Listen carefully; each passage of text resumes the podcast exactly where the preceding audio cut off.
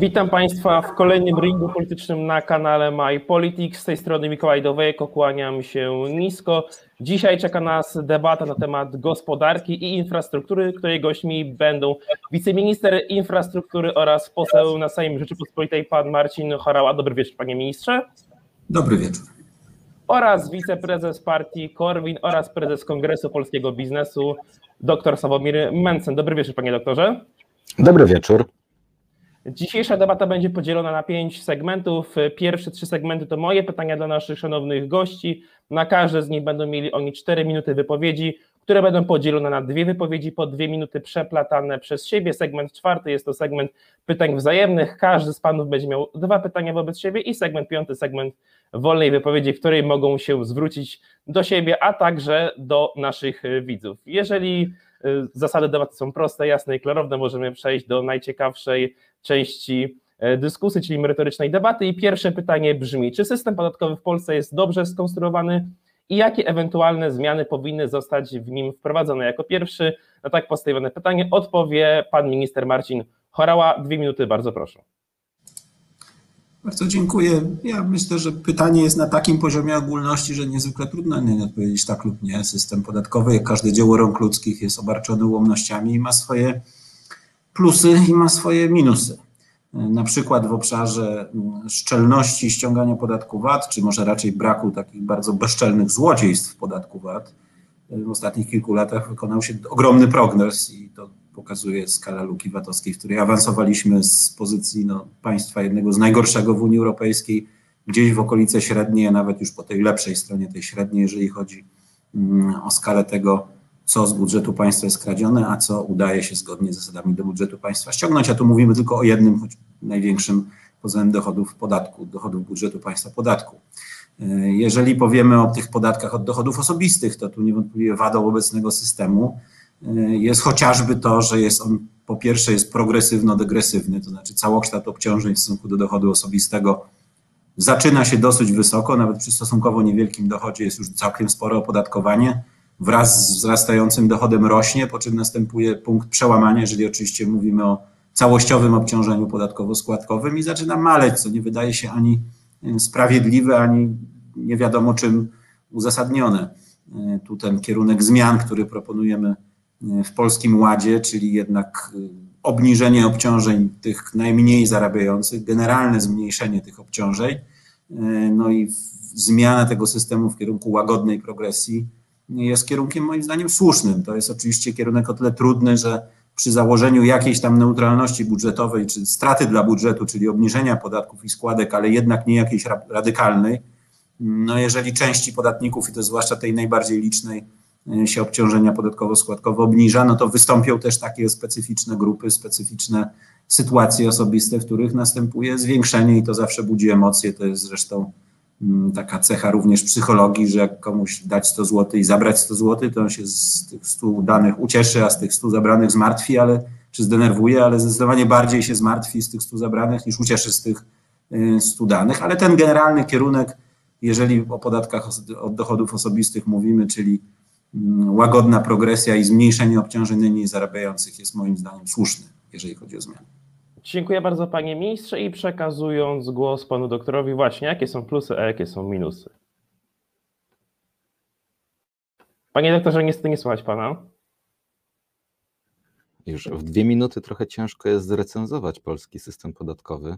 Powiem może tyle, że nie znam nikogo zajmującego się podatkami, kto twierdzi, że polski system podatkowy jest dobry, albo że jest właściwy, czy że nie wymaga gruntownych zmian. Wielką, znaczy bardzo wyraźną cechą naszego systemu podatkowego jest to, że jest niezwykle skomplikowany. W całym OECD tylko jedno państwo ma bardziej skomplikowany system podatkowy niż Polska i podejrzewam, że po wprowadzeniu nowego ładu e, prześcigniemy ich w tej niechlubnej kategorii to Polska będzie miała najgorszy system podatkowy w całym OECD. E, pan poseł słusznie zauważył, że przez ostatnie lata doszło do tak zwanego uszczelniania e, podatku VAT. To uszczelnianie było wprowadzane poprzez jego komplikacje. Efekt jest taki, że mamy najbardziej skomplikowany podatek VAT w całej Unii Europejskiej, co jest pewnym wyzwaniem, ponieważ podatek VAT jest tylko implementacją dyrektywy unijnej o VAT-ie i naprawdę ciężko tu być najgorszym inne państwa potrafią zachować niską lukę VAT i mieć wprowadzić prosty, w miarę prosty, jak na ten rodzaj podatku, podatek VAT. W Polsce się to oczywiście nie udało. Co więcej, polski system nie dość, że jest skomplikowany, to jest coraz bardziej skomplikowany. W tym roku wchodzi kilkaset zmian, stron zmian e, prawa podatkowego. Mówimy to tylko i wyłącznie o podatku e, dochodowym, więc idziemy w coraz gorszym kierunku. E, polski rząd broni się, mówiąc, że część tych zmian to jest implementacja postanowień różnych organizacji międzynarodowych, na przykład Unii Europejskiej, ale zwracam uwagę, że zawsze, kiedy ktoś nam nakazuje na przykład wprowadzenie MDR-ów czy wprowadzenie exit taxu, zrobimy to w bardziej, znacznie gorszej i bardziej skomplikowanej wersji niż mówi nam Unia Europejska, żebyśmy to e, zrobili. Więc e, polski system podatkowy nie spełnia w zasadzie żadnych, żadnych sensownych wymagań, nie realizuje żadnych celów. Rzeczywiście jest progresywno-degresywny, najwyżej opodatkowana jest klasa średnia, osoby najlepiej zarabiające są stosunkowo nisko opodatkowane i od nowego roku stosunkowo nisko są opodatkowane osoby najmniej zarabiające. Przyznaję, że nie wiem, jaka logika stoi za tego rodzaju systemem podatkowym. Dziękuję bardzo panie doktorze i przechodząc do drugiej części pierwszego segmentu, panie ministrze, jak pan doktor słusznie zauważył, Polska jest na przedostatnim miejscu w rankingu OECD i czy są jakieś e, plany rządu, żeby to zmienić? Panie ministrze, niestety nie słychać pana. Już się odwyciszam. E, no, plany zmian podatkowych są, wydaje mi się, już dosyć powszechnie znane. To, to, to są plany zawarte jako jeden z elementów e, Polskiego Ładu. No to przede wszystkim e, podwyższenie kwoty wolnej od podatku, lawinowe wręcz, radykalne. To podwyższenie tego drugiego progu, czyli tego momentu, od którego wchodzi się w drugą stawkę podatkową. Oczywiście no jest, to są tu pewne paradoksy, bo tak jak mówię, przy założeniu nawet nie neutralności budżetowej, ale tego, że powiedzmy, no nie jest to obniżenie wpływów do budżetu o dziesiątki miliardów, e, tylko kilkanaście w systemie, który jest progresywno-degresywny i w którym jest kilka różnych rodzajów podatkowania. Jeżeli przytłaczająca większość podatników ma zyskać i mniej tych podatków płacić, no to będą tacy, którzy zapłacą więcej, choć to będą ci, którzy no generalnie na co stać. Ja nie znam powodu, dla którego ktoś, kto zarabia bardzo dużo, miałby płacić mniejsze podatki e, od tego, który zarabia mm, znacznie od niego mniej. Y, stąd chociażby takie konstrukcje jak ulga dla klasy średniej, która może nie jest konstrukcją idealną z punktu widzenia systemowego, ale faktycznie gwarantuje, że ci, którzy już zarabiają nieco więcej, ale jeszcze nie bardzo dużo, y, przynajmniej z pewnością na tych zmianach nie stracą. Y, także ten kierunek, no i plus do tego jeszcze element zupełnie już spoza sfery podatkowej, czyli mm, zadanie pozyskania dodatkowych środków, zwiększenia finansowania służby zdrowia, czyli podniesienia, raczej zmiany sposobu rozliczenia i odliczania składki zdrowotnej. Połączenie tych wszystkich celów nie jest ze sobą łatwe, ale efekt jest taki, że zasadniczo obciążenia podatkowe spadną, zdecydowana większość Polaków zapłaci mniejsze podatki i składki, kolejna bardzo duża grupa przynajmniej na tym nie straci, stosunkowo wąska grupa i to ta, którą na to stać, y, zapłaci nieco więcej. Do tego będziemy mieli więcej pieniędzy na służbę zdrowia, co ostatni czas pokazał, no, że jest celem, który jest bardzo potrzebny i pewnie, choć to zawsze cel był społecznie stawiany wysoko, to e, no, po, po pandemii jest stawiany jeszcze wyżej niż do tej pory stawiany był. Także biorąc to wszystko pod uwagę, mm, biorąc pod uwagę, ile tutaj takich czasem sprzecznych i rozbieżnych ze sobą celów trzeba połączyć, efekt ostateczny moim zdaniem jest satysfakcjonujący. Dziękuję bardzo i na koniec pierwszego segmentu debaty pan dr Sławomir Mencen. Bardzo proszę. Niestety znów nie słychać e, panów. Prosiłbym naprawdę, wyciszajmy sobie regularnie te mikrofony, bo trochę nam minie, jak będziemy musieli za każdym razem odciszać. Bardzo proszę. Polski Ład jest kwintesencją polskiego systemu podatkowego i podejścia państwa do podatników. Jest wielką rewolucją wprowadzoną na ostatnią chwilę. Ja naprawdę nie znam powodu, dla którego takich daleko idących zmian podatkowych nie można ogłosić na przykład z rocznym, dwuletnim wyprzedzeniem, albo chociaż powiedzieć o nich wiosną. Rok temu byliśmy zaskoczeni jesienią tym, że opodatkowane CIT-em zostaną spółki komandytowe. W tym momencie zaskakują nas przepisy o ukrytej dywidendzie, które zostały wprawdzie odroczone o rok po ostatnich poprawkach, ale już Ministerstwo Finansów zapowiedziało, że w tym roku jeszcze i tak je zmieni, w związku z czym zostały odroczone, ale w nieznanej nam w tym momencie formie. Wprowadzono mnóstwo ulg, z których korzystać będą głównie większe firmy, załatano część ulg oraz doprowadzono do tego, że spora część najlepiej zarabiających będzie płacić jeszcze mniej. Ja przyznaję, że jestem doradcą podatkowym, w związku z czym jestem tą grupą zawodową, która jest najbardziej hołubiona przez rząd Prawa i Sprawiedliwości i źle nie zarabiam. Ja w przyszłym roku będę płacił niższe podatki niż w obecnym i naprawdę nie wiem, czy to było intencją rządu Prawa i Sprawiedliwości. Więc system został zbudowany, znaczy Nowy Ład został zbudowany w ten sposób, że najwięcej najwięcej zapłacą, znaczy największa podwyżka czeka klasę średnią, to znaczy najlepiej zarabiających ludzi na umowie o pracę i tym samym wypchnie to sporą część z nich na B2B, ponieważ e, opodatkowanie e, dzięki podatkowi ryczałtowemu specjalistów zarabiających kilkanaście, kilkadziesiąt tysięcy miesięcznie po prostu spadnie z nowym rokiem, więc kto nic nie zrobi, zapłaci więcej, kto zrobi cokolwiek, zapłaci e, mniej. Do tego na pewno stracą samorządy, ponieważ akurat takim dziwnym przypadkiem obniżane są podatki, które zasilają kasę samorządów, a te podatki czy składki, które nie trafiają do samorządów, tylko e, do e, rządu przez różne jego tam działy budżetu, czy też pozabudżetowe, te wzrosły, więc widać tu ewidentny zamach na to, żeby samorządy były bardziej uzależnione od rządu. To jest, zdaje się, jedyny trwały wynik tego nowego ładu. Cała reszta, całą resztą można podsumować w ten sposób, że wiele się musi zmienić, żeby wszystko zostało po staremu.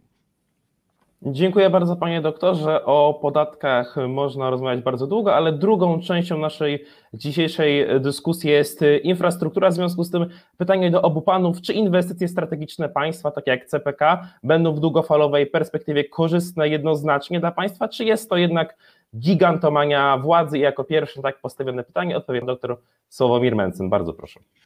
Tego oczywiście nie wie nikt, to znaczy e, prognozowanie ruchu lotniczego, bo tu głównie rozumiem, mówimy o CPK, na kilkadziesiąt lat do przodu jest bardzo karkołomnym zajęciem. Nikt nie wie, ile osób będzie latało samolotem z Baranowa za lat 20, 30 czy 40 e, i obawiam się, że, że te obecne prognozy nie zostaną w żaden sposób e, zrealizowane. Jest wielka obawa, że Polska pójdzie drogą Hiszpanii, to znaczy będziemy mieli wielkie, przewymiarowane inwestycje zarówno w lotniska, jak i w, w szybką kolej i potem tymi kolejami nikt nie będzie jeździł. W tym momencie Hiszpanii zaczynają uczyć się na błędach i kolejne linie kolejowe albo w ogóle nie powstają, albo w znacznie skromniejszym wariancie niż początkowo miało mieć to e, miejsce. E, przez wiele tych linii e, kolejowych szybkich Hiszpanii w zasadzie tam jeździ kilka tysięcy osób dziennie, co absolutnie nie wystarcza na pokrycie kosztów, nie mówiąc już o zwrot z takiej inwestycji, więc boję się bardzo, że, znaczy ja bardzo bym chciał, żeby Polska miała wielkie lotnisko, żeby miała E, elektrownię jądrową, żeby miała te szprychy, tę, tą szybką kolej dowożącą nas z całej Polski do wielkiego lotniska. Natomiast obawiam się, że jeżeli to kiedykolwiek powstanie, nie wiadomo też kiedy powstanie, ponieważ mam tu obawy graniczące z pewnością, że ten rok 2027, kiedy miało powstać pierwsze 500 kilometrów e, szybkiej kolei, startować pierwsze samoloty z lotniska w Baranowie, jest absolutnie nie do zrealizowania, więc obawiam się olbrzymich opóźnień, obawiam się tego, że to będzie kosztować nas znacznie więcej niż w tym momencie się zapowiada, że będzie nas to e, kosztować, a na koniec będziemy jeszcze do tego e, dopłacali. W materiałach reklamowych sprzedawane nam jest CPK jako lotnisko, które docelowo obsłuży 100 milionów pasażerów rocznie. W tym momencie 100 milionów, i to przed COVID-em, e, przekroczyły rocznie tylko dwa lotniska, Atlanta i Pekin i obawiam się, że potencjał demograficzny Europy Środkowo-Wschodniej, który niestety z każdym rokiem jeszcze maleje, absolutnie nie umożliwi kiedykolwiek, przynajmniej w następnych 100 czy 150 latach, na to, żeby z Warszawy czy tam z Baranowa latało te 100 milionów e, osób rocznie. Dziękuję bardzo. I tak samo postawione pytanie pan minister Marcin Chorała. Bardzo proszę. Ponieważ podpowiadam jako drugi, więc muszę być w konwencji tutaj prostowania wszystkich test przedmówcy, a i chyba czasu nie zdąży. Jeżeli chodzi o prognozy, no to oczywiście każda prognoza w każdym biznesie jest obarczona ryzykiem, ale te rynki się szacuje i tak samo rynek lotniczy są od tego różnego rodzaju instytucje, eksperci, chociażby AJATA, chociażby Eurocontrol, te prognozy są stale aktualizowane i my na podstawie pewnej średniej czy wspólnego mianownika z tych prognoz planujemy nasze przedsięwzięcia e, inwestycyjne. Co do opłacalności CPK w ogóle będzie mm, inwestycją, która będzie oparta na kapitale prywatnym i ona w ogóle mogłaby być oparta na kapitale prywatnym, gdybyśmy chcieli czy godzili się na to, żeby wypuścić z ręki naszej kontrolę nad nią. To jest infrastruktura strategiczna, więc ten komponent państwowy, własności w przypadku samego lotniska to będzie 51% co najmniej, natomiast no 49 equity do 49% z rynku, plus Project Finance również z rynku, ponieważ jest to opłacalna inwestycja i to kolejne biznesplany, kolejne testy prywatnego inwestora przez różne instytucje wykonywane, różne firmy to potwierdzają. Hiszpania jest dobrą nauką tego, czego nie robić, no bo w Hiszpanii faktycznie przeinwestowano, ale na przykład w lotniska regionalne. To nie jest tak, że lotnisko Madryt-Barajas, największy hub lotniczy, jest zbyt duże czy nieopłacalne. Nie, tam wybudowano za dużo małych lotnisk regionalnych, które faktycznie okazały się niepotrzebne. Sieć kolejowa hiszpańska, kolej dużych prędkości, faktycznie też, też chyba trochę zbyt duża, to jest 3400 kilometrów. My planujemy zbudować 1800. Polska wielkością jest porównywalna z Hiszpanią, więc to pokazuje, że budujemy na miarę i lotnisko, które w pierwszym etapie, tym, który teraz budujemy, ma mieć około 40-45 milionów przepustowości, pasażerów, to jest lotnisko w sam raz na polskie potrzeby. My mamy obecnie to, że port Chopina, powiedzmy w ostatnim normalnym roku przedcovidowym obsłużył 20 milionów pasażerów, to jak na największe lotnisko w danym państwie, jeżeli porównamy je z Barajas, Charles de Gaulle, z portem lotniczym we Frankfurcie czy nawet w Monachium, to jest bardzo mało. To jest lotnisko w sam raz. 100 milionów to jest ta docelowa wielkość, na której teraz nakładów nie będziemy ponosili, tylko zabezpieczymy rezerwę terenową, zabezpieczymy możliwości, że jeżeli budujemy pierwszy etap na przykład na 40 milionów pasażerów i widzimy, że on się wypełnia, że jest już 30, 31, 32, no to uruchamiamy kolejny etap, dobudowujemy kolejny pas, kolejny terminal, żeby tę przepustowość zwiększać w miarę potrzeb i nie zdążyłem z wszystkimi wnioskami, ale może wyjątkami, ale może jeszcze Będzie jeszcze druga część e, wypowiedzi w ramach drugiego segmentu debaty i teraz znów pan doktor Sławomir Mencen, bardzo proszę.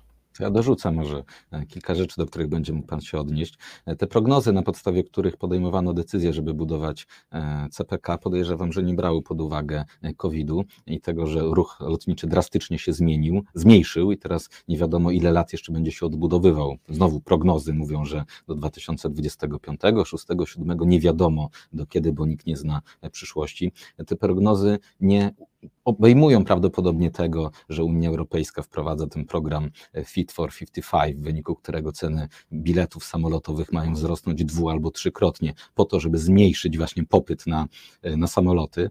Samoloty i w ogóle ruch lotniczy już od jakiegoś czasu są pod obstrzałem radykalnej lewicy, która niestety przejmuje Unię Europejską. Jeżeli to dalej będzie szło w tym kierunku, to za 30 lat trzeba będzie mieć jakiś certyfikat tęczowego weganina, żeby w ogóle wejść do samolotu. Więc tak jak mówię, ja w te prognozy, że to będą dziesiątki milionów e, osób startujących e, co roku z Warszawy absolutnie nie wierzę. Potencjał gospodarczy Polski jest wielokrotnie mniejszy niż e, Niemiec, czy Francji, czy Wielkiej Brytanii. Potencjał turystyczny Polski również jest wielokrotnie mniejszy niż chociażby Hiszpanii. Stąd nie wierzę w tak wielkie liczby, jeżeli chodzi o ruch lotniczy z portu w Baranowie. Zwracam też uwagę, że Niemcy ostatnio budowali lotnisko Berlin-Brandenburg, które miało kosztować zaatakować Pierwotnie 2 miliardy e, euro kosztowało 7, czyli chyba ponad trzykrotnie e, prze, e, prze, prze, przekroczono budżet, a czas opóźnienia to był 9 lat. Mamy w tym momencie końcówkę roku 2021.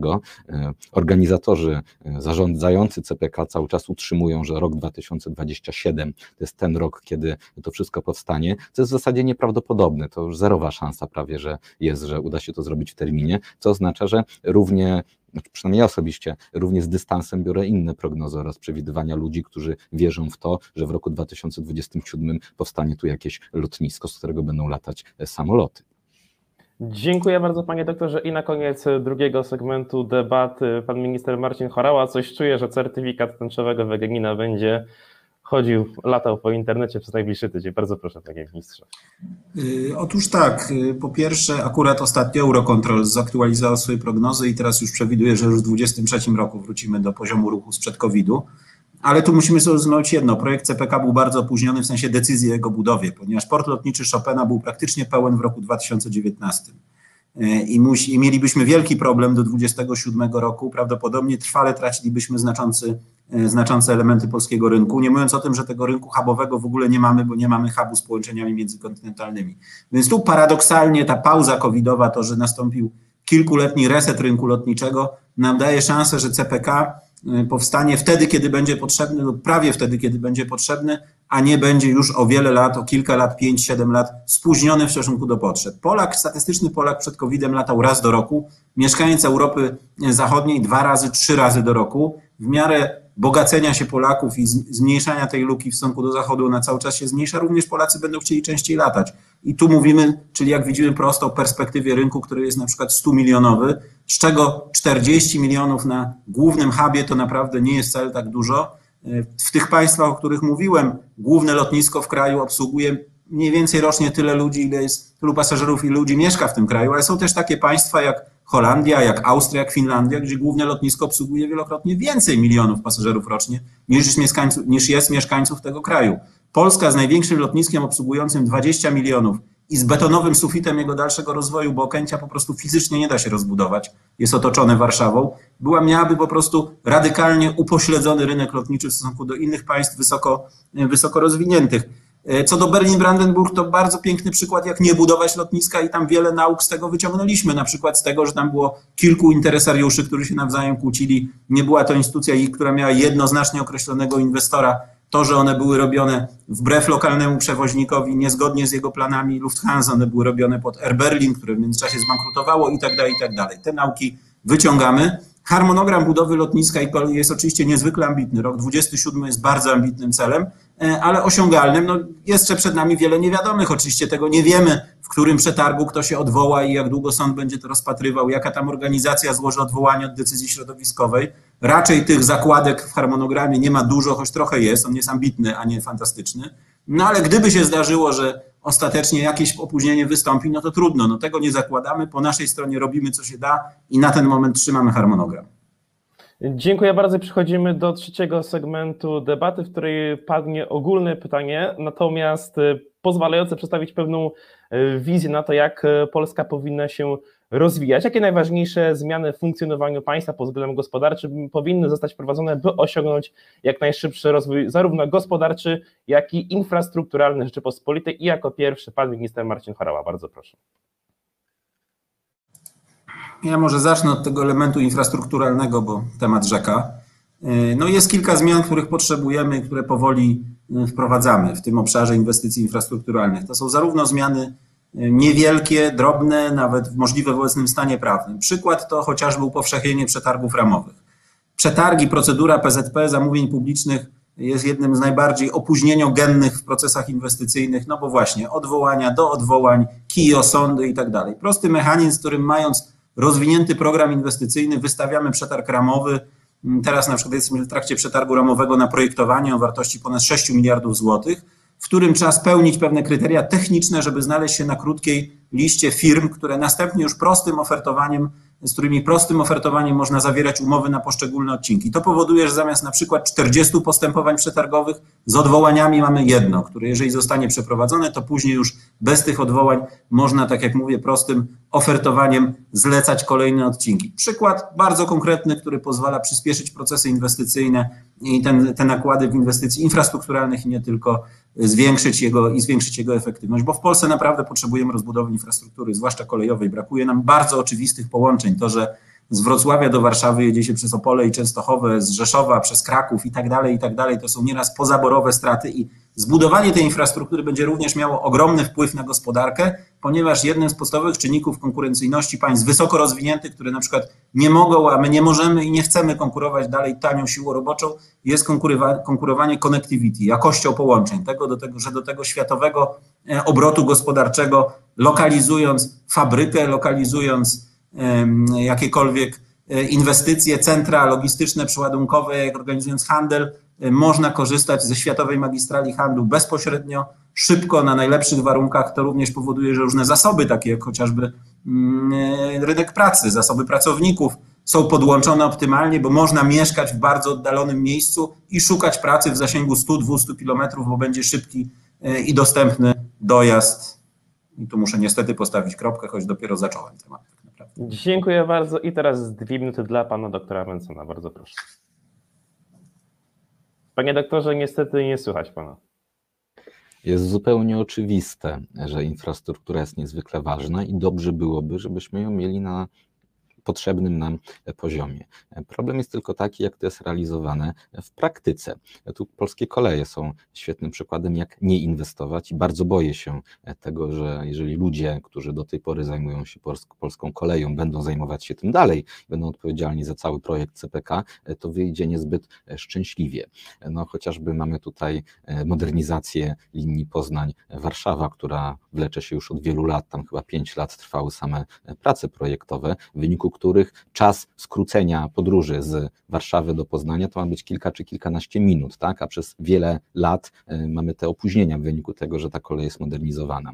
Budowane są od nowa linie, które mogłyby posłużyć jeszcze przez 20 lat. Wydaje się setki milionów złotych na zbudowanie połączeń kolejowych, po których potem nie jeżdżą pociągi, bo cztery pary e, pociągów na dobę nie wystarczają do tego, żeby ktokolwiek przerzucił się z samochodu czy z autobusu na ten e, pociąg. Więc na infrastrukturę pieniądze wydawane są absolutnie bez ładu i składu i wydajemy za dużo, po to, żeby mieć marginalny e, efekt. To polecam świetne wywiady pana Piotra Mału, zapomniałem nazwiska, przepraszam, który był wiceprezesem e, CPK i tam zdaje się z ma, właśnie, rewelacyjne wywiady dla, dla, dla czystej polityki, e, który bardzo dobrze pokazuje niestety, jak to wygląda w praktyce.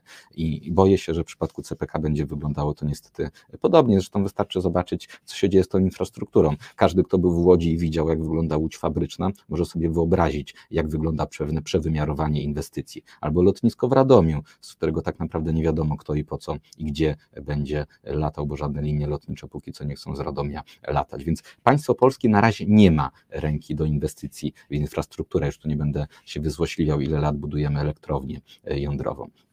E, może w drugiej części powiem, e, co myślę o tym, żeby co zrobić, żeby państwo lepiej działało, tylko, tylko skupiłem się w tej pierwszej na infrastrukturze.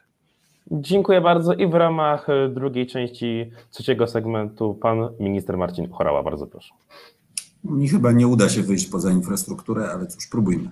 Y, ja nawet jestem w stanie się do pewnego stopnia zgodzić z przedmówcą. Nie jest przypadkiem, że do budowy nowego systemu transportowego Polski została powołana nowa instytucja, że tak powiem, na surowym korzeniu y, CPK, bo faktycznie y, pewne tropizmy, pewne doświad przyzwyczajenia i zwyczaje i takie kultura korporacyjna panująca w różnych innych zajmujących się tym instytucjach może być różnie oceniana. Wywiadów pana byłego wiceprezesa Malepszaka jednak nie polecam, no bo jak każdy zniechęcony pracownik no powiedzmy nie jest obiektywny w swoich sądach, mówi dużo prawd, ale też dużo rzeczy nie najmądrzejszych. E, ale to właśnie konieczny przełom to budowa nowych linii. Mieliśmy w polskim obszarze infrastruktury kolejowej trzy etapy po 1989 roku. Pierwszy etap niszczenia, likwidacji, zlikwidowano kilka tysięcy kilometrów połączeń kolejowych, nieraz nawet fizycznie rozbierając tory. E, potem etap modernizacji, trudny, często faktycznie w takiej konwencji 5-5-5, 5 lat przebudowy, 5 miliardów kosztu i na koniec 5 e, minut szybciej jedzie pociąg, ale poniekąd niezbędny, no żeby tą istniejącą infrastrukturę po prostu, żeby ona jeszcze dziesiątki lat mogła służyć, była zdekapitalizowana i zdegradowana. A teraz CPK to jest trzeci etap budowy nowych połączeń, dzięki którym osiągniemy duże korzyści, skrócenie czasów przejazdu, takie liczone w godzinach, 50%, 60%. Dość powiedzieć, że w Polsce mamy yy, na przykład przykład 100 y, miast, powyżej 10, około 100 miast, powyżej 10 tysięcy mieszkańców, które w ogóle nie, mają połączeń kolejowych w Niemczech czy w Czechach i to pokazuje, jaki przełom jest tu możliwy, jak nisko wiszące owocem możemy dla gospodarki zerwać. Zwłaszcza teraz, na przykład wpływ COVID-u, który powoduje, że nie zawsze trzeba codziennie być w pracy, upowszechniła się praca zdalna.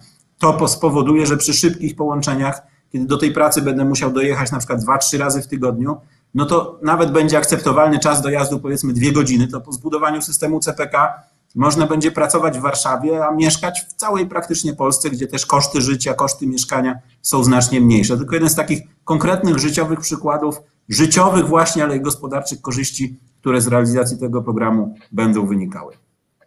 Dziękuję bardzo i zanim oddam głos e, panu doktorowi, króciutkie pytanie, bowiem powiedział pan, że będzie poruszał pan tematy gospodarcze. Wcześniej e, poruszyliśmy właśnie temat rankingu OECD.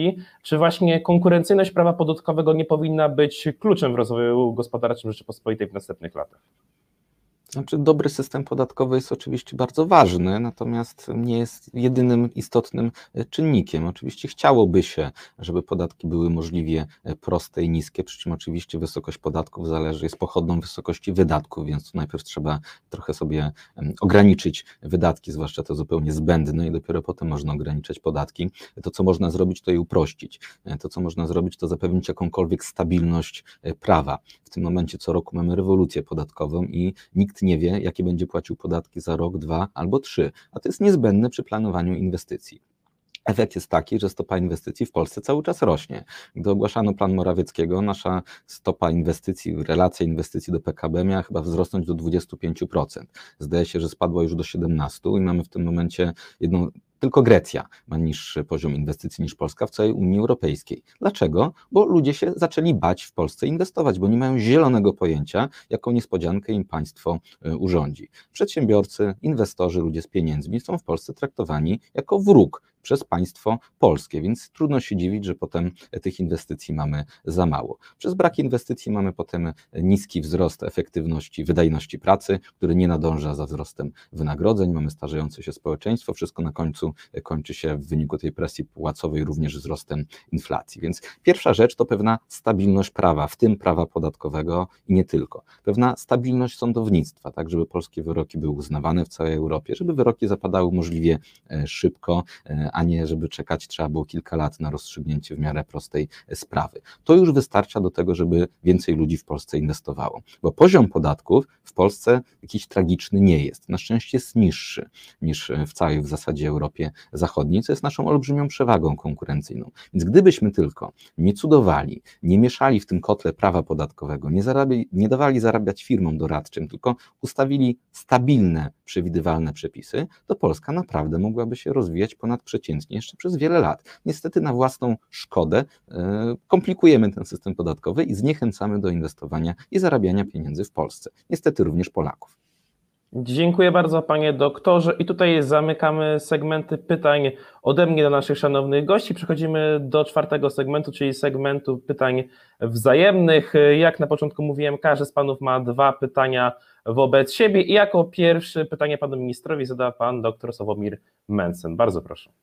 Ja mam takie proste i krótkie pytanie, bo mówiliśmy tu o prognozach. E, sam Pan powiedział o prognozach organizacji AJATA, która zajmuje się między innymi właśnie e, głównie ruchem lotniczym. E, czemu ostatnia ich prognoza zrobiona na, na zlecenie CPK została utajniona i nie zamierza Pan jej publikować? Nie, to nieporozumienie, ona oczywiście nie została utajniona, natomiast po tym, jak została potraktowana poprzednia prognoza, nie wiem, czy z brakiem zrozumienia, czy z celową manipulacją, z której tworzono takie fikcyjne newsy, jak na przykład to, że y, dzięki CPK pojawi się zaledwie 3 miliony więcej pasażerów w Polsce, no to uznałem, że nie warto podawać surowych danych osobom, które nie, nie znają się na tym, nie wiedzą, jak, jak powstają te dane, bo na przykład ta prognoza jest wynikiem pewnych danych makroekonomicznych, natomiast nie uwzględnia przepustowości infrastruktury lotniczej. Czyli ten teoretyczne 3 milionów więcej pasażerów na, dzięki CPK było przy założeniu, że Okęcie jest z gumy i może przyjąć na przykład 30 milionów pasażerów za kilka lat. To jest absolutnie niemożliwe, znaczy fizycznie niemożliwe. W związku z tym uznaliśmy, że nie będziemy podawać publicznie w polityce lotniczej surowych danych, e, tylko eksperci ministerstwa siądą nad różnymi prognozami, nad wnioskami, które są składane w konsultacjach społecznych, nadchodzi, no i uwzględnią takie elementy chociażby jak fizyczna przepustowość infrastruktury lotniczej. I ta finalna, pełna prognoza zostanie podana w nowej wersji e, polityki lotniczej. E, po konsultacjach właśnie również na różne uwagi, Związek Lotnictw Regionalnych składał, to wszystko uwzględnimy i to zostanie podane, natomiast no nie ma tu mowy o żadnym utajnieniu i oczywiście jak ktoś będzie chciał, to sobie do tych surowych danych też będzie mógł dotrzeć i to wszystko porównać. No, natomiast w finalnym naszym dokumencie będzie po prostu jedna finalna prognoza uśredniona, uwzględniająca wszystkie czynniki, a nie taka surówka, bo żeby ją czytać, to trzeba umieć czytać i chcieć czytać z dobrą wolą, co w tym przypadku nie miało miejsca. Dziękuję bardzo. I teraz y, pan minister może zadać pytanie panu doktorowi. Bardzo proszę.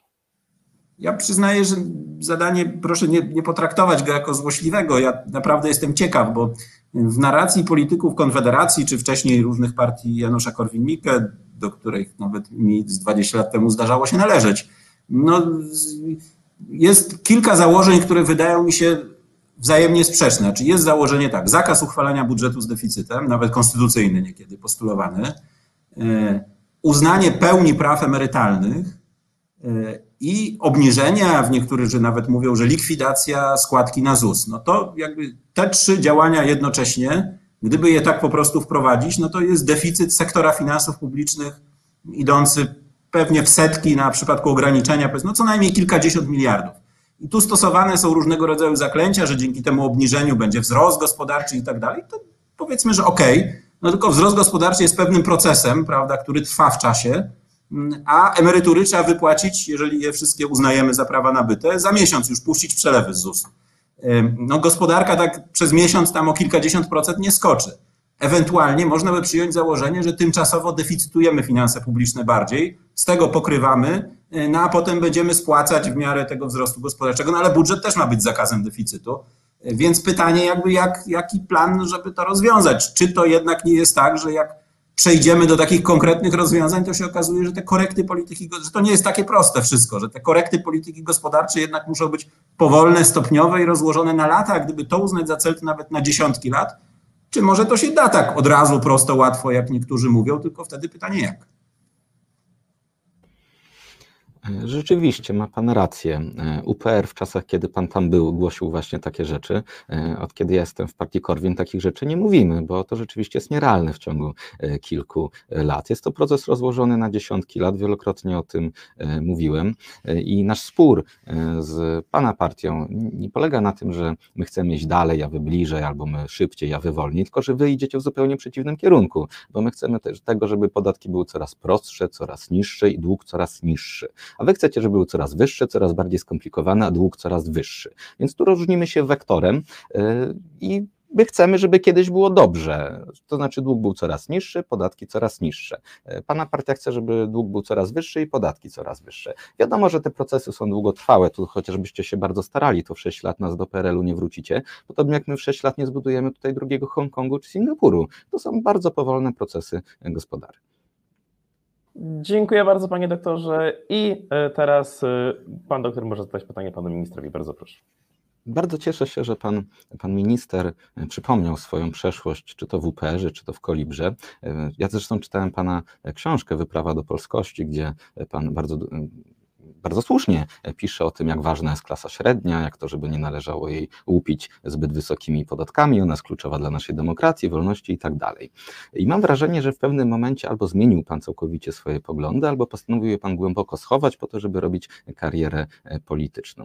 I takim szczytowym Pana osiągnięciem w tej sprawie, przynajmniej moimi oczami, był listopad 2019 roku, e, ponieważ stał się Pan ku zaskoczeniu naprawdę wielu ludzi twarzą ustawy mającej znieść tak zwaną 30-krotność składek e, na ZUS. Ja tego kompletnie nie rozumiem, bo to było zupełnie sprzeczne z wszystkim, co Pan wcześniej mówił. Mimo to ten projekt poselski sygnował Pan swoim nazwiskiem i swoją twarzą. Po jakimś tygodniu projekt ustawy został wycofany z Sejmu, a po kolejnym tygodniu został Pan pełnomocnikiem rządu do spraw CPK. E, czy przypadkiem e, wysunięcie Pana jako twarzy tego projektu nie było takim ostatecznym sprawdzeniem Pana lojalności i tego, jak Pan głęboko schowa swoje poglądy, zanim dostanie Pan to eksponowane stanowisko. Zresztą ten test zdał Pan e, celująco. Czy, czy, to, czy było tak, czy może było jakieś e, inne wytłumaczenie tej zaskakującej koincydencji czasowej? Nie, znaczy w ogóle nie wiem zresztą, czy Pan to potwierdzi, ale ja mam takie wrażenie, coraz bardziej widząc politykę od środka i, i od kulisów i wiedząc, jak było naprawdę, że zdecydowanie więcej w polityce jest zwykłego przypadku, niż to się wielu komentatorom wydaje i czasem piętrowe teorie wokół różnych zdarzeń tworzone, słucham z rozbawieniem, bo wiem, że coś tam się stało, bo tam, nie wiem, ktoś do kogoś zadzwonił, a ten nie odebrał, albo tam się coś komuś pomyliło i ostatecznie tak wyszło. Natomiast co do tego, ja nie, nie, nie, nie, widzę w swoim życiu jakiegoś wielkiego przełomu. Oczywiście moje poglądy jakoś tam ewoluowały mm, i zmieniały się nieco z czasem, choć co do rdzenia, no przełomem była decyzja, że zajmuję się polityką, czyli sztuką osiągania tego, co da się osiągnąć, czy zmieniania świata na lepsze w sposób możliwy i dostępny versus sztuka opowiadania, jak to by było fajnie w idealnym świecie, no ale jakby no i na tym opowiadaniu się kończy. E, ja swego czasu, no przyznam też, że jakby jak poznałem bliżej postać Janusza Korwin-Mikke, to się jako do polityka do niego zdecydowanie zniechęciłem, to znaczy uznałem, że on chyba sam również w to nie wierzy, że to, co mówi, to realnie będzie wprowadzone w życie, tylko jakby ma pewien taki sposób no, fajnego życia z tego coś. No, jak ktoś lubi politykę, interesuje, no to to, że sprzedaje książkę, jeździ, spotyka się z ludźmi, jest zapraszany do mediów, no to to jest jakiś fajny sposób na życie. Ale mnie to nie interesowało, nie po to jakby się angażowałem publicznie, żeby ktoś tam mógł sobie fajnie żyć. Y, ja do PiSu przystąpiłem w roku 2004 roku po przegranych wyborach do Parlamentu Europejskiego mm, i naprawdę gdyby mi zależało na jakiejś osobistej karierze, to w roku 2004 powiedzmy na Pomorzu zdecydowanie lepszą, miałem kilka lepszych opcji i Platforma Obywatelska, i lokalne ugrupowanie Wojciecha Szczurka, prezydenta Gdyni było zdecydowanie lepsze. A to, że mi akurat pomimo tego trudniejszego wyboru jakoś tam się powiodło, no to już trochę w tym mojej zasługi, a głównie opatrzności pewnie i też zbiegło, zbiegło okoliczności. Ja pod poglądem, no ta książka jest zbiorem felietonów pisanych przez lata, a wydany w roku 2014, więc teraz też pewnie już jakbym miał siąść i ją ponownie wydać, to bym tam w kilku miejscach E, pozmieniał, ale pod zdecydowaną większością tego, co tam pisałem, nadal się podpisuję. Zresztą my chyba, ile dobrze pamiętam, mieliśmy po raz pierwszy okazję się poznać w roku 2015 przy okazji w Toruniu, prawda? Kiedy jeszcze chyba obydwaj byliśmy znacznie wtedy mniej... ją od pana dostałem z dedykacją nawet. Stąd tak jest, znacznie mniej znani niż obecnie. Ja wtedy robiłem za E, była tam taka dyskusja na temat ordynacji wyborczych i ja robiłem za tego czarnego luda, który jest przeciwko jednomandatowym okręgom wyborczym i tu na przykład, i tu przyznaję w tej sprawie zmieniłem zdanie w tym sensie, że kiedyś tam byłem za Jowami, poczytałem dużo tą sprawę, przemyślałem, uznałem, że nie jest to najlepszy mm, system wyborczy e, i teraz jestem, jakbym miał tak powiedzieć, o idealnym systemie, no to jestem zwolennikiem pewnie systemu kompensacyjnego, podobnego jak w Niemczech, ale jednak ze zmienionymi pewnymi mechanizmami. No ale to już dyskusja zupełnie e, off-topicowa. E, w każdym razie tutaj był to czysty zbieg okoliczności. Mm, raczej było wiadomo, że wejdę do rządu, już wcześniej to wiedziałem, trwały te rozmowy, e, a ponieważ jeszcze to się nie stało, więc, że tak powiem, mogłem się dać wykorzystać, czy można było mnie wykorzystać do poprowadzenia trudnej i ważnej ustawy, na którą jednak pewnie moje zdolności okazały się zbyt małe, bo jednak ona końcu nie przeszła, ale to już wtedy, kiedy się tego podejmowałem, to już to, że będę w rządzie było raczej pewne. Panie ministrze, zanim zada pan pytanie panu doktorowi, pytanie doprecyzowujące. Czy według pana zniesienie 30-krotności składki ZUS jest zgodne z poglądami konserwatywno-liberalnymi? Znaczy, moim zdaniem to jest pytanie źle postawione w ogóle, tak? To znaczy, ja myślę, że takie postrzeganie polityki, że mam pewien pakiet poglądów wykutych w skalę i teraz jakby różne rozwiązania, to ja wychodzę do nich od strony a priorycznej, znaczy jaką mam ideologię i co mi z tej ideologii wychodzi, tą sztancę na tą, na tą, na tą sprawę. Ja tu za profesorem Konecznym jednak bym był zwolennikiem podejścia a posteriorycznego, a nie a priorycznego, czyli rozważenia danej sytuacji. W obecnym systemie emerytalnym ja nie widzę, w którym de facto, teoretycznie rzecz biorąc, jest to system składkowy, ale de facto jest to system solidarnościowy, no bo wiadomo, że te składki idą na wypłatę bieżących emerytur, e, czyli on jest de facto elementem obciążenia podatkowego dochodu osobistego. To właśnie ta trzydziestokrotność odpowiada w głównym stopniu za degresywność tego systemu, za to, że po pewnym punkcie przełamania zaczyna się płacić coraz mniejsze podatki do państwa. Ja nie wiem, dlaczego tak ma być. Ja zdecydowanie bym wolał, żeby na przykład jak już ktoś musi, to jakoś rekompensować te składki dla najmniej zarabiających albo jakoś je rozłożyć w całej skali podatników, je delikatnie obniżyć, a nie żeby akurat ci, którzy już bardzo dużo zarabiają, osiągając punkt przełamania, zaczynali mniej płacić. Ale Czyli tu jednoznacznie się wypowiem, bo niestety z takich wypowiedzi się potem robi setki i newsy. Nie ma w tym momencie takich planów w rządzie, nie ma takiego projektu e, i ten projekt nie jest dalej e, procedowany. Mówiłem tu tylko o swoich osobistych, prywatnych poglądach. Tak więc y, bardzo proszę, ostatnie pytanie od pana ministra dla pana doktora.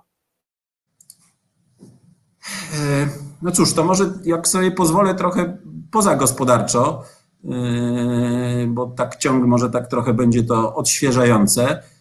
E, właśnie chciałem się spytać o ten system podatkowy, to mnie ciekawi, bo no nie mieliśmy okazji właściwie rozmawiać od wielu lat. To pytanie, czy teraz nadal jowy, czy może jakiś, jakaś inna ordynacja wyborcza, którą obecnie ordynację by pan uważał za najbardziej korzystną. Jeszcze dodam, nie teoretycznie, tylko jakby dla polskiego systemu politycznego tu i teraz, gdyby ją można było wprowadzić. To znaczy, nie, nie przypominam sobie, żebym kiedykolwiek e, popierał JOWY. I teraz pytanie, e, czego, czemu służy ordynacja e, podatkowa? Tfu, przepraszam, czemu służy ordynacja wyborcza?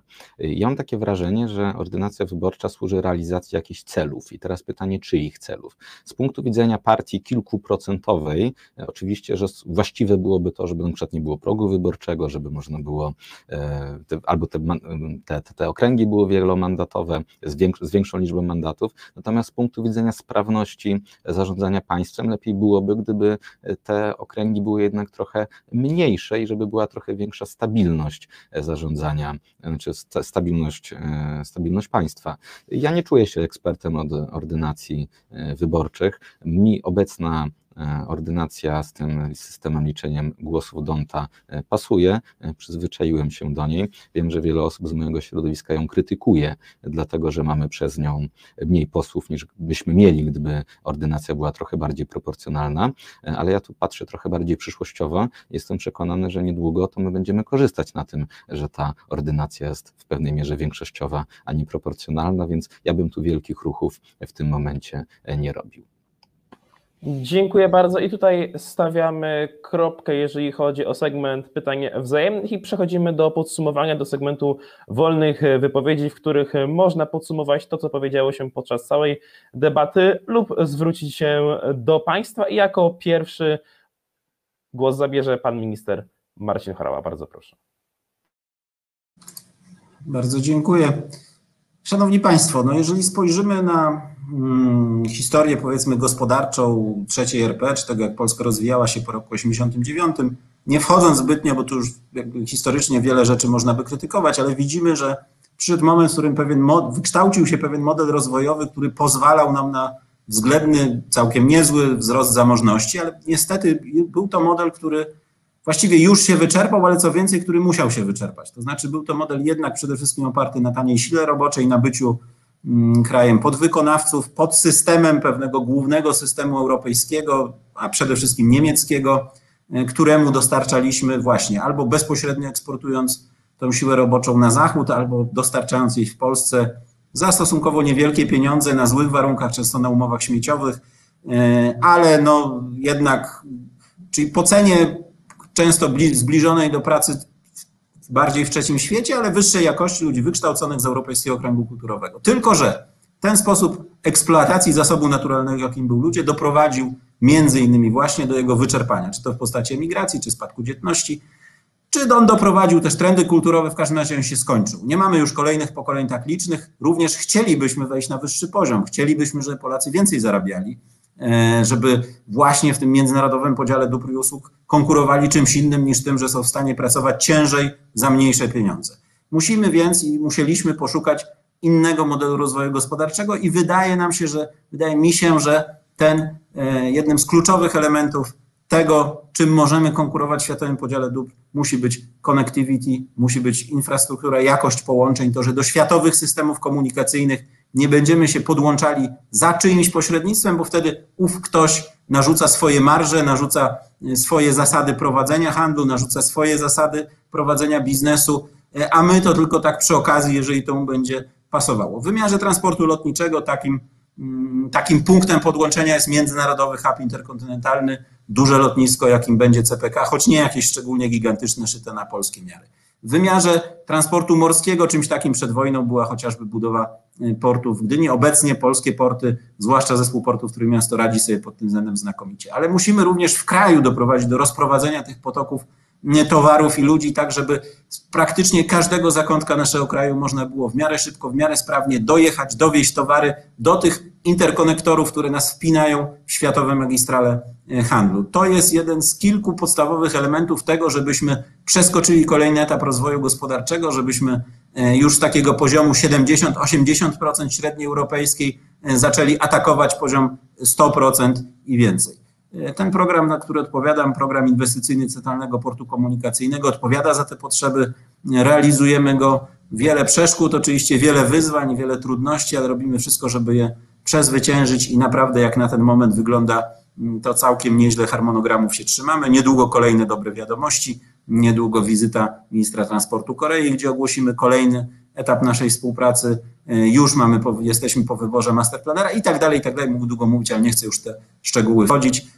Jestem przekonany, że jeżeli tylko zewnętrzne warunki nam pozwolą, no takie jak chociażby właśnie pandemia, któż ją mógł przewidzieć, takie jak napięcia naszej wschodniej granicy, jeżeli jeszcze kilka lat względnego spokoju jako Polska będziemy mieli, to ten ostatni krok wykonamy i naprawdę mm, zakończę taką myślą i takim aforyzmem, że jako Polacy mamy wspaniałą historię, z której możemy być dumny, ale jestem przekonany, że przed nami jeszcze wspanialsza przyszłość. Dziękuję bardzo i na koniec pan doktor Sławomir Ręcen, bardzo proszę. Panie doktorze, niestety nie słychać. Już, już. Ja tak, żebym nie zapomniał, potem mam taką prośbę do oglądających, gdyby ktoś mógł mi wysłać link do tej debaty w roku, pod koniec roku 2027, bo naprawdę być może o niej zapomnę, a wtedy będę miał możliwość uśmiechnięcia się pod nosem, ile wyszło z tych realizacji na rok 2027. A teraz wracając do rzeczy. Rzeczywiście, kiedy Prawo i Sprawiedliwość przejęło władzę pod koniec 2015 roku, postanowiło zmienić zmienić sposób myślenia Polaków o gospodarce. Wcześniej większość Polaków mimo wszystko miała takie przeświadczenie, że do dobrobytu dochodzi się e, pracowitością, przedsiębiorczością, oszczędnością. Im ktoś bardziej się będzie starał, tym prawdopodobnie będzie miał trochę lepiej. PiS powiedział, że nie, że to nie powinno być tak, że lepiej mają ci, co się bardziej starają, więcej pracują, że należy dawać więcej pieniędzy tym, którzy się trochę mniej starają i trochę mniej e, pracują. I niestety doprowadziło to do istotnej zmiany postaw Polaków. Akceptacja dla szeroko zakrojonych na szeroką skalę programów socjalnych w Polsce wzrosła, chęć do pracy niestety zmalała i teraz Polacy już nie są przekonani, że są panami własnego losu, tylko że ich życie jest trochę uzależnione od tych pieniędzy, które dostaną z rządu. A wiadomo, że rząd skądś te pieniądze musi wziąć, więc bierze je z ciągle podnoszonych i komplikowanych e, podatków. Za wzrost gospodarczy już nie mają odpowiadać prywatni przedsiębiorcy, tylko ma odpowiadać państwo. Wprost wynika to z tej strategii e, tak zwanego odpowiedzialnego rozwoju Mateusza Morawieckiego, który właśnie mówił, że przedsiębiorcy nie są w stanie wychwycić, e, znaczy pokazali, że nie są w stanie sprawnie inwestować, wymyślać innowacji i państwo weźmie na siebie ciężar rozwoju i ciężar inwestycji. No i te ostatnie kilka lat pokazały, że to trochę tak nie wygląda, że jeżeli będziemy dławić prywatną inicjatywę, to państwo nie będzie, znaczy nasza gospodarka nie będzie rozwijać się tak szybko, jakby e, mogła. I przyznaję, że bardzo mnie to martwi, ponieważ gdyby nie ta zmiana z roku 2015, to wydaje mi się, żebyśmy teraz byli wszyscy w trochę innym miejscu. E, I na koniec pozwolę sobie zauważyć, że, e, że pan e, minister już e, Chorała jest właśnie świetnym przykładem. Powinien pan być taką latarnią morską, punktem odniesienia, pokazującym, jak należy robić karierę w polityce. Że nawet jeżeli ma się jakieś poglądy i nawet się w nie bardzo wierzy, to one nie są najistotniejsze, bo ważniejszy jest ten pragmatyzm, który rzeczywiście pozwoli budować karierę polityczną. I dochodzi do sytuacji, w której człowiek tak mi się wydaje, myśli sobie, że przez kilka lat się przemęczę, posłucham, co oni tam mówią, będę to popierał, bo wolą mi wyjść na górę i zrobić wtedy coś dobrego. No i niestety to robienie czegoś dobrego e, kończy się na firmowaniu ustaw podnoszących i komplikujących e, prawo podatkowe, e, utrudniających życie klasie średniej oraz firmowaniem wielkich państwowych, centralnie planowanych inwestycji. Co pokazuje, że naprawdę, jeżeli słuchają nas młodzi ludzie, nie idźcie tą drogą. Wierzcie swoje ideały, wierzcie swoje przekonania, bo jak nie skończycie jak poseł Chorała w PiSie i nie będziecie dla nikogo już więcej autorytetem i na pewno nic dobrego nie zrobicie. Panie doktorze, myślę, że początkową Pana prośbę może spełnić zespół My Politics. Nie będziemy parać widzów, choć już niektórzy nastawili sobie ponoć powiadomienie, co widać na czacie. Ja, Natomiast adwocem, adwocem zgłosił... Muszę jedną szpileczkę, to znaczy... Po... Bardzo proszę. To znaczy, po pierwsze, nawet w stawianym tu za wzór Singapurze lotnisko Changi jest inwestycją państwową, bo dużą infrastrukturę to generalnie państwo buduje. I tak samo zresztą we wspomnianym Hongkongu też lotnisko jest państwowe. A po tej polityce, po sześciu latach polityki rzekomo zniechęcającej do pracowania, mamy w Polsce mniej więcej milion więcej miejsc pracy i pracujących niż na początku tej polityki nigdy nie mówiłem, że, że znaczy w ogóle nie mówiłem o Singapurze czy o, o Hongkongu. Nigdy nie mówiłem, że prywatni inwestorzy mają budować autostrady czy, czy lotnisko. Mówiłem, panie ministrze, zupełnie o czymś innym. I tą krótką wymianą zdań zakończmy nasz dzisiejszy ring polityczny. Bardzo dziękuję naszym widzom za bardzo liczną obecność na dzisiejszej transmisji i moim gościom, którymi dzisiaj byli pan minister Marcin Chorała. Dziękuję bardzo. Oraz pan doktor Sławomir Mencen. Również bardzo dziękuję. Miejmy nadzieję, że niezależnie od wybranej drogi rozwoju Polskę czekają jak najlepsze lata. Życzę wszystkim miłego wieczoru, dobrej nocy i do zobaczenia na naszym kanale.